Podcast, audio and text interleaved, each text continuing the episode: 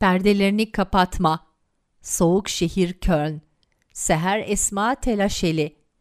Hadi durma perdelerini aç. Çünkü güneşin sıcaklığına ihtiyacımız var.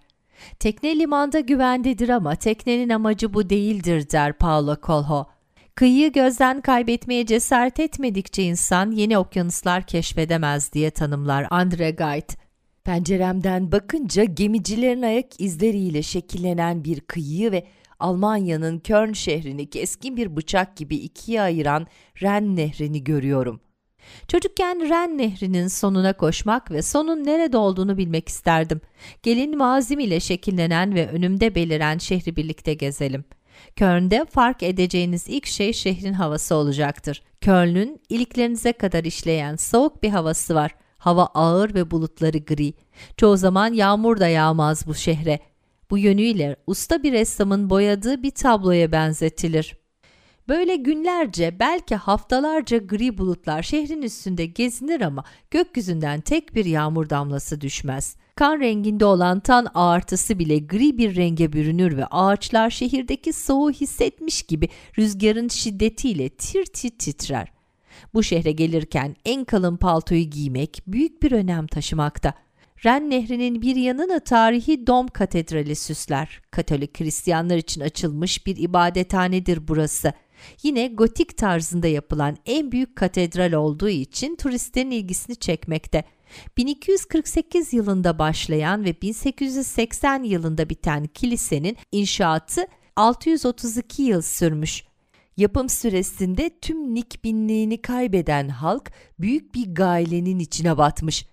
İnşaat süresinin bu denli uzun sürmesinde şeytanın eli olduğuna inanır Alman halkı.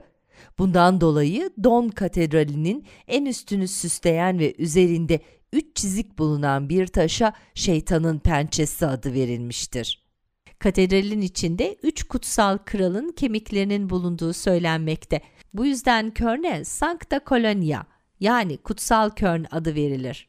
Bu katedral değerli okuyucum Köln şehrindeki en büyük yapıdır. Bine aşkın merdiven çıktıktan sonra Don Katedrali'nin balkonundan elini göğe uzatırsın ve bulutlara dokunuyormuş gibi hissedersin kendini. Aşağıya baktığında birer karınca gibi görünen insanları izlersin. Ne zaman bu hislere kapılsam duygularımın beni yanılttığını belirten Şems Tebrizi'nin şu sözü aklıma gelir. Mühim olan yükseklere çıkıp hayata tepeden bakmak değil, mühim olan ne kadar yükselsen de her şeye eşit mesafeden bakabilmektir. Ve son olarak belirtmek isterim ki sadece Hristiyanlar yok Dom Katedrali'nde. İçeriye adım attığında her dinden ve farklı kültürden onlarca ziyaretçi görebilirsin. Dom Katedrali'nden çok uzakta değil, 10 adım mesafesinde Aşıklar Köprüsü adını taşıyan Hosenbrück'ı bulabilirsin. Trenle ve yürüyerek geçen herkes bu köprünün güzelliğine hayran kalır. Köln'de yaşayan insanlar birer Parisli değildir. Aşkın dili ve ırkı olmadığı da bir gerçektir. İlk baktığımızda köprünün demirliklerine sabitlenmiş binlerce, belki de yüz binlerce rengarenk kilit görürsünüz.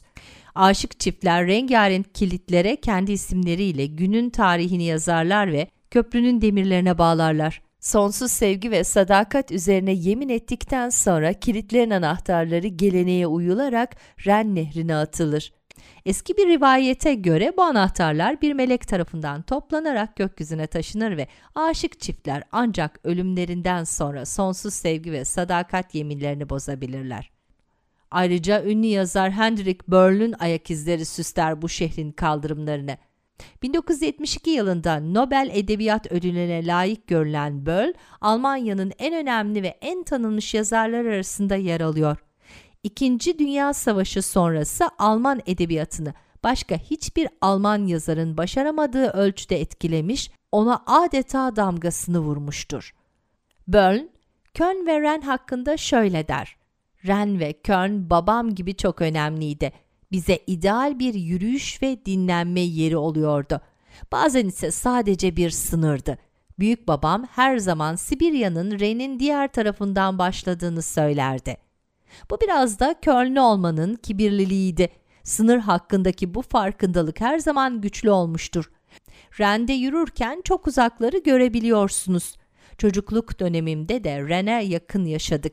Bu yüzden Ren'de her zaman çok yürüdük. Gemileri izleyin, yürüyüşler yapın, sesiniz kısılana kadar bağırın.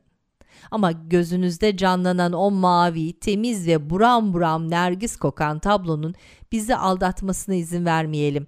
Zira Byrne şunu da eklemiştir. Güzel ve temiz bir nehir değildi. Hayır. 1960'larda çok ama çok kirliydi. Gerçekten kimya kokuyordu. Kimyasallarla o kadar çok kirlenmişti ki çoğu insan rende fotoğrafların geliştirilebileceğini söylüyordu. Bu bir abartı olabilir ama gerçekten pek de uzakta sayılmaz. Ne diyelim, maalesef gençliğin yılgınlığını taşıyan bu nehir hala acı bir kahverengiye bulanmış halde akıyor ve devletin yıllardır tazeliğini koruyacağı umuduyla Ren Nehri her geçen gün daha da kirleniyor. Elbette Köln insanın memleketine benzemez ancak gelen Türk vatandaşlarına ani bir hayal kırıklığı da yaşatmaz. Halkın büyük bir kısmının mahir Türk gençlerinden oluştuğu bilinmekte. Okul sıralarında, üniversitelerde ve çoğu iş alanlarında Türk nüfusu göz ardı edilemeyecek kadar dikkat çekmekte. Özellikle Köln'ün Mülheim bölgesinde Türk marketlerine, restoranlarına veya kitapçılarına rastlama ihtimali oldukça fazla. Edebi isimlerle süslenen rengarenk tabelalar insana başka bir şehirdeymiş hissi veriyor. Genellikle Türk gençleri buralarda gezmez. Çoğu mahir gencimizi Köln Üniversitesi'nin kütüphanesinde veya arkadaşlarıyla kampüsün büyük bahçesinde piknik yaparken bulursunuz.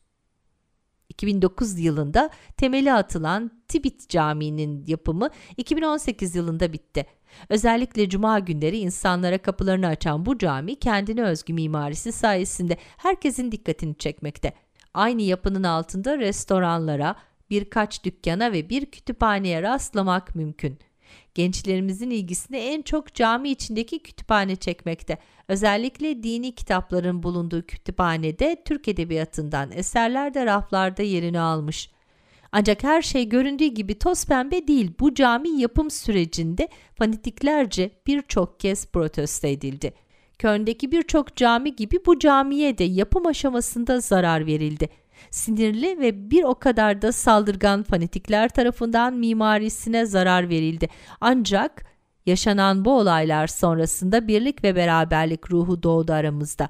Mevlana'nın da dediği gibi bir olalım, iri olalım, diri olalım. Sevgili okur, Son dileğimi de sunduktan sonra sana veda etmek isterim. Perdelerini açıp benim için güneşin sıcaklığını hissettiğin için teşekkür ederim. Köln'den bahsederken kelimelerimi ardı ardına soluksuz takip ettin. Bu yüzden eminim ki hayallerinde canlandırdığın şey bu soğuk şehir. Ben de kalemimin mürekkebine bu şehri katarak zihnime kadar daldırdım.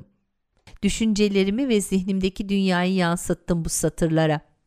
Kıyıyı gözden kaybetmeye cesaret etmedikçe insan yeni okyanuslar keşfedemez. Bu yüzdendir ki çantanı toparlayıp hayallerinin peşinden koşmanın ehemmiyeti büyüktür. Seher Esma Telaşeli 2003'te Almanya Nürnberg'de doğan yazar, Almanya'nın Köln şehrinde yaşıyor. Katıldığı çoğu yarışmada dereceye giren yazar 2021'de ilk romanını yayınlamayı düşünüyor.